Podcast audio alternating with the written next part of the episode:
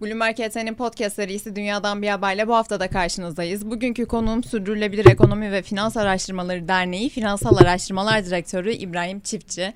Öncelikle hoş geldiniz. Hoş bulduk İlayda Hanım. Ee, bir de ben şuna bir açıklık getirmek istiyorum. Podcast diyoruz. Biz normalde ilk podcast'a başladık. Podcast e, platformları üzerinden yayınladığımız programımızı aynı zamanda YouTube'a da taşıma kararı verdik. O nedenle bunun da açıklamasını yapmış olayım. Şimdi e, neleri konuşacağız? Dönüşüm ekonomisini konuşacağız. E, Sefya'nın zaten kendi araştırmaları da var. En son şirketler bazında bir araştırma yapmıştınız. İlk önce dönüşüm ekonomisinde Türkiye'nin potansiyeli ve gelişmelerinden bahsetmenizi rica edeceğim. Tabii. Ee, belki dönüşüm ekonomisi, dönüşüm ekonomisi olarak tanımladığımız şey nereden kaynaklanıyor, evet. nereden çıkıyor? Bir ondan bahsetmek doğru olabilir.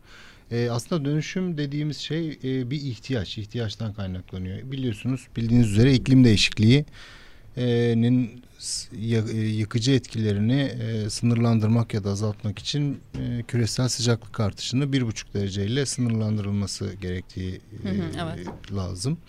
E, bunun için de e, işte aslında enerjiden başlayarak e, bütün e, ürünlerin, e, bütün üretilmesi, dağıtılması ve e, ve tüketilmesi de dahil olmak üzere dönüşmesi gerekiyor. E, burada yepyeni bir şey e, ortaya çıkmış oluyor. Piyasanın döngülerinin değişmesi anlamına geliyor bu.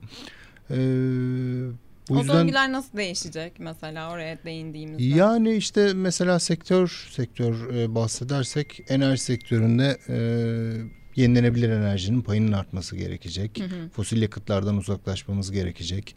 Sanayide e, keza karbonsuzlaşmamız gerekecek. E, sanayinin tükettiği elektriği yine e, yenilenebilir yakıtlardan e, elde etmesi gerekecek.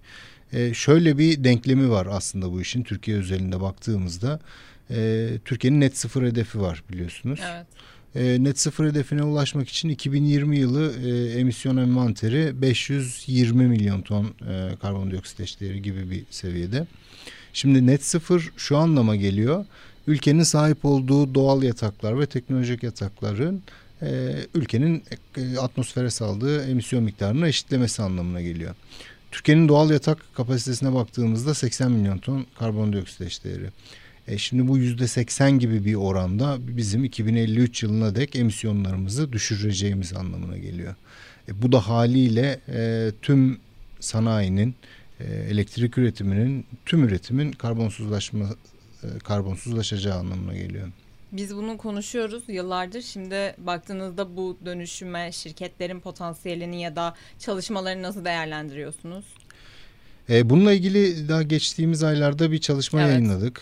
E, İklim için 350 Derneği ile birlikte. Tam olarak aslında bu soruya e, yanıt aradık. Şimdi e, ülke olarak vermiş olduğumuz bir hedef var ama şirketler bunları ne kadar kendi e, stratejilerine yediriyorlar. Ee, ülkenin böyle bir net sıfır hedefi olsa da şirketlerin var mı böyle bir hedefi?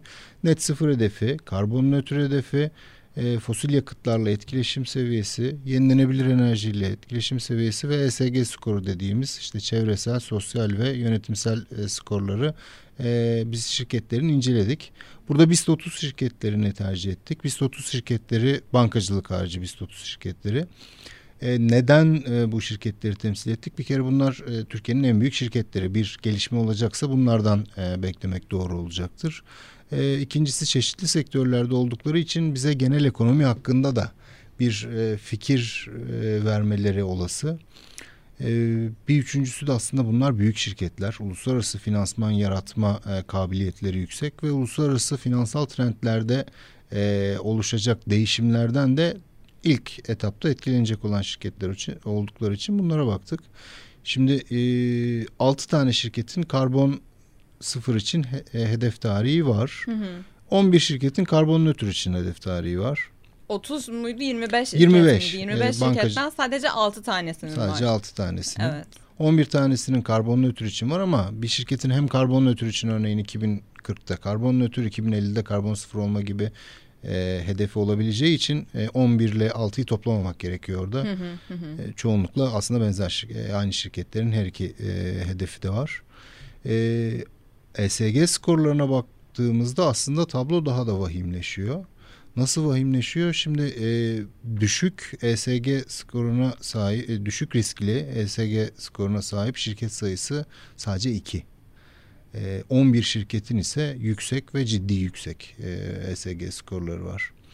E, yani bu şunu gösteriyor yani e, şirketlerin de e, net sıfır için tarihleri olması aslında hem ülkenin hem de değişen dönüşen e, küresel e, piyasalara uyumlu olduklarını ya da yönlerini o tarafa döndüklerini gösteriyor olabilir ama e, iki tane şirketin sadece düşük riskli olması pek iç açıcı bir tablo değil haliyle. Hem dinleyicilerimiz hem de izleyicilerimiz için ESG skorunun neden önemli olduğunu sizden e, duyabilir miyiz? ESG skoru üçüncü kişilerce, üçüncü taraflarca hı hı. E, verilen e, şirketlerin çevresel, sosyal ve yönetimsel e, alanlardaki ilerlemelerini skorluyor diyebileceğimiz bir skorlama sistemi. Hı hı. E, yani bunun güzelliği şu hem sadece çevreyle kalmıyor sosyal ve işte yönetimsel anlamda da e, bir derecelendirmiş oluyor. E, bir de şirketleri görebiliyoruz. E, yani en azından hangi şirketin diğerine karşı ne gibi bir üstünlüğü olduğunu göstermesi açısından iyi bir e, done veriyor e, bize. Bir de veriler aslında kıyaslama açısından da bize bir yol gösterici olabiliyor. Dünya evet. nerede biz neredeyiz kısmında. Bu noktada dünyaya belki birazcık geçebiliriz. Ee, yani aslında bu kıyaslamaları hani iyidir kötüdür diye değil de nasıl daha iyi olabiliriz diye konuşmak istiyorum. Çünkü e, şirketlerde burada hevesli olan çok fazla şirket de var. Ancak şimdi e, dünyaya geçmeden önce aslında taahhüt ettikleri şeyler ne şirketlerin ve yaptıkları şeyler ne yani ikisi arasındaki çok büyük bir farklılık var diyebilir miyiz yoksa şimdi anlattığınıza göre e, taahhütlerle yapılanlar çok uyuşmuyor. Ee, şimdi evet e, taahhütler günün sonunda ileri tarihlere ileri bir tarihe verilmiş olan taahhütler. E, ancak e, biz sadece bun, bu, yani bunlara bakarken çalışmada atık yönetimi, su yönetimi gibi diğer konularda da ne yaptıklarına Hı-hı. baktık şirketlerin. E, isim vermeyeyim belki ama atık yönetimi ve su yönetimi konusunda çok ciddi işler yapan şirketler var. Ee, işte bununla birlikte işte tamamını e, elektriğinin tamamını yenilenebilir enerjiden e, alan şirketler de var ya da o yolda ilerleyen şirketler de var. Genelde taahhüdü olan şirketler bu yönde adımlar atmış atmaya başlamış oluyorlar. Tabii ne kadar yeterli? E, yeterli değil. Bugün itibariyle yeterli değil ama e, yani bu aslında yani Paris İklim Anlaşması'yla başlayan ve hızlanan bir süreç olduğu için belki de o kadar da e, şey olmamak gerekiyor. E, hemen bugünden e, her şeyin değiş, değişmesini beklememek gerekiyor. E, belki yavaş adımlarla ilerleyecek. Dünyada da böyle oluyor. E, ama kararlı bir şekilde biz bugün en azından nereye gideceğini, nereye doğru gittiğini görüyoruz. Peki bu dünya tarafında nasıl farklılıklar görüyorsunuz bu hedeflerde? Yani şimdi daha ileri teknoloji kullanımı, daha net hedefler mi ve gerçekçi hedefler mi? Bu farklılık ne dersiniz yurt içi ile yurt dışı arasında? Yani farklılık ne derim? Ee, yani örneğin işte e, Amerika Birleşik Devletleri'nin geçen Ağustos ayında 2022 Ağustos ayında çıkardığı e, enflasyonu azaltma yasası. Hı hı. Aslında adı enflasyonu azaltma yasası ama bugüne kadar Amerika Birleşik Devletleri'nin iklimle ilgili çıkarmış olduğu en büyük yasa. E, neyi hedefliyor?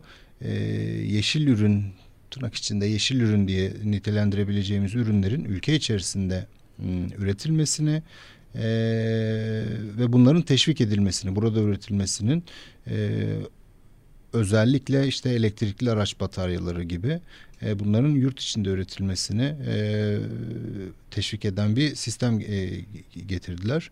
E, Avrupa Birliği de yine geçen ay e, hem net sıfır sanayi yasası hem de kritik ham maddeler yasası e, ile benzer bir şeyde adım atmış oldu. Aslında ülkeler e, yani kullanılacak bu ekipmanların kendi içlerinde üretilmesi için çeşitli e, şeyler çıkarıyorlar, yasalar çıkarıyorlar. Bu bununla da kalmıyor. AB'nin mesela bizi doğrudan etkileyeceği, kendisi zaten e, net sıfır ilk kıta olma hedefi var. E, ama kendisiyle kalmıyor. AB Yeşil Mutabakatı çerçevesinde sınırda karbon vergisi düzenlemesi diye bir düzenlemesi var. 2023 itibariyle 3 e, yıllık bir e, şey süreci başladı. İzleme süreci 2026 itibariyle 5 e, ana sektörde bunlar elektrik sektörü, demir çelik, çimento, alüminyum ve gübre olması ve gübre. E, bu beş sektörde en çok enerjinin kullanıldığı sektörler. Evet, karbonun en yoğun evet. olduğu sektörler.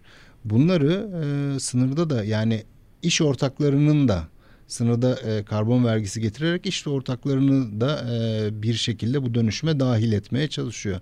E tabi bu haliyle Türkiye'yi de etkileyecek. Niye? İşte bizim çünkü e, ihracatımızın yarıya yakını yakını Avrupa Birliği ile e, oluyor. Yani şöyle özetleyebiliriz. E, ülkeler e, bir takım ülkeler şunu yapıyorlar. Kendileri bu dönüşümün e,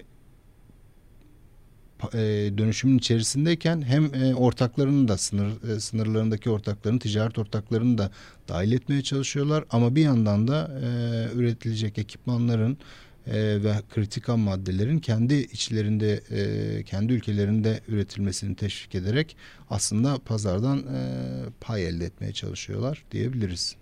Aslında şimdi yeşil dönüşüm ya da işte dönüşüm ekonomisi dediğimizde genellikle hep sadece ürün de akla geliyor. Burada önemli olan aslında çalışanlardaki işte cinsiyet eşitliği ne boyutta işte gelir eşitsizliği ne boyutta aslında bunların da şirketlerin çok dikkat etmesi gereken hatta SG skorunun da o noktada e, oldukça önemli olduğunu da görüyoruz biz. Şimdi e, teknoloji kullanılan teknolojiler nasıl geliştire, geliştirilebilir bu anlamda çünkü çok daha farklı bir dünyaya gidiyoruz aslında şimdi. O yüzden o noktada nasıl bir teknolojide ilerlememiz gerekiyor? Hangi ürünlerin kullanımı daha yaygın dünyada? Şimdi e, öncelikle yani bu dönüşümden bahsediyorsak haliyle e, özellikle enerji sektöründen evet. bahsetmemiz gerekiyor. E, çünkü emisyonların Türkiye üzerinde yüzde yetmiş kadarından sadece enerji sektörü sorumlu.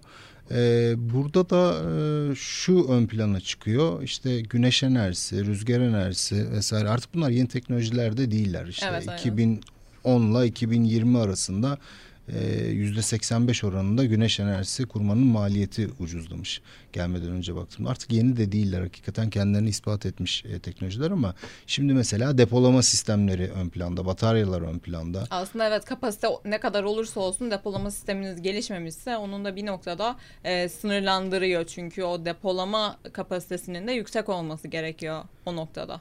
Evet çünkü bunlar e, yani 24 saat e, enerji üretmeyen evet. e, şey kaynakları e, enerji kaynakları diyelim ama ya tabii onun da talep tarafı yönetimi ya da işte pom, pompajlı hidroelektrik santralleri vesaire dediğimiz hı hı. E, bir tip e, aslında e, şey depolama sistemleri ne diyelim sanal depolama sistemleriyle şebeke operatörü aslında onu da yürütebiliyor ama e, tabii ki de depolama çok ciddi bir şey. Geleceğin e, enerji sektöründe depolamanın ucuzlaması, e, bütün arge faaliyetleri orada gerçekleşiyor. Depolamanın ucuzlaması aslında tam olarak da bu e, işte güneş ve rüzgar aslında bize e, düzenli elektrik e, vermez e, diskurunu da e, muhtemelen şey edecek, e, geçersiz hale getirecek bir gelişme olacak. Güneş enerjisine karşı da bir iştah artışı var ama değil mi? Bu da yani yenilenebilir enerjiye karşı özellikle. O da görülüyor yani önümüze daha gidilmesi gereken çok çok yol var. Ama bu noktada da e, gündeme getirdikçe belki de daha çok şirketin bu konu anlamda. Ama tabii orada da teşvik konusunda mevzuatlarda bazı önüne çıkan engeller olduğundan bahsediliyor. Ancak bunların da e, bir süreçte çözülmesi de gerekli sanırım. Bütün bunları e, kesinlikle ilerletmemiz için. Burada çok ciddi bir fırsatımız var bizim güneş ve rüzgar gibi. Çok güneşli bir e, ülkede yaşıyoruz. E, fiyatları da gerçekten ucuzladı. Hı hı. Gerçekten çok ucuzladı kurulum maliyetleri. E, bakanlık da bunu böyle öngörüyor zaten yeni enerji stratejisinde 55 gigawatt gibi bir yere çıkması 4-5 kat yükselmesi öngörülüyor 2030'lara kadar. Atık yönetimine katkısı ne oluyor dönüşüm ekonomisine? Yani bir kısmı da atıktan geliyor mesela işte AB'nin mevzuatından bahsettik. Ee, AB işte bu yeşil ürünlerin dönüşüm e, net sıfır sanayi e, yasa tasarısında e, büyük bir kısmını da ham maddelere ayırıyor. E, ham maddelerin bir kısmının yerli pazardan üretilmesini öngörüyor ama bir kısmının ondan daha fazlasının ise e, geri dönüştürülmesini öngörüyor. Hı hı. Aslında biraz döngüsel ekonomiyle de e, birleşiyor bu noktada e, bu enerji dönüşümü dediğimiz e, mesele. Atık tabii ki de çok önemli bir e, e, önemli bir ayağı oluyor bu dönüşümün. Evet şimdi şirketlerin peki Türkiye'deki özellikle e, konuşuyoruz zaten biz de sürekli ancak bu enerji verimliliğini nasıl artırabilecek? Bu dönüşüm ekonomisindeki payı nasıl artırabilecek ve buraya yönelik finansalları aslında etkin bir şekilde kullanabiliyor mu? Bu da önemli bir soru belki de. Evet çok doğru bir yere getiriyorsunuz. Aslında finansman yaratma e, kabiliyetleri ne durumda? E, belki bunun için küresel finansal kuruluşlara da bakmak gerekiyor e, bir miktar. Çünkü işte gelecekte ya da önümüzdeki yıllarda aslında küresel finansal e, akışların e, işte fosil yakıttan yenilenebilir enerjiye ya da bahsettiğimiz gibi yeşil ürünlere olacağını görüyoruz. Şimdi bugün bile e, işte boyutu 50 milyar doların üzerinde olan fon yönetim şirketleriyle 10 milyar doların üzerinde olan yani ciddi bir büyüklüğe sahip finansal kuruluşlar e, köm sanırım e, yüzden fazla finansal kuruluş fosil yakıtlara yatırım yapmayacağını belirtmiş durumda. Bunu finansal kuruluşlardan e, tüm kuruluşlara genişlettiğimizde ise 40 trilyon dolar gibi bir finansal büyüklüğe ulaşıyoruz. E, bundan sonra fosil yakıtlara e, yatırım yapmayacağı, yapmayacağı sözünü vermiş olan şirketlere baktığımızda. Şimdi e, ESG skoru yüksek riskli ya da hala fosil yakıtlarla etkileşim e, içerisinde olan şirketlerin e, önümüzdeki yıllarda haliyle e, hem öz kaynak hem de kredi finansmanında, e, borç finansmanında zorluklar yaşaması beklenir. E, çünkü işte öz kaynak finansmanında baktığımızda aslında bizim borsamızın da temel e, şeylerinden olan e, sağlamlığının göstergesi yabancı yatırımcı payı. Yabancı yatırımcı dediğimiz işte önümüzdeki yıllarda e, önemli e, hususlarından bir tanesi de aslında bu olacak. E, bu şirketin buralarda yatırımı var mı? Neler yapıyor? Gelirinin yüzde kaçını fosil yakıtlardan kazanıyor vesaire gibi. E, o anlamda işte yani yine çalışmamıza dönecek olursak BIST 30 şirketleri bir yandan e, o anlamda da e, e, etkili. E, çünkü bu şirketler borsaya halka açık şirketler ve e, finansal yatırım alıyorlar. Öz kaynak finansmanı e, şeklinde yatırım alıyorlar uluslararası piyasalardan.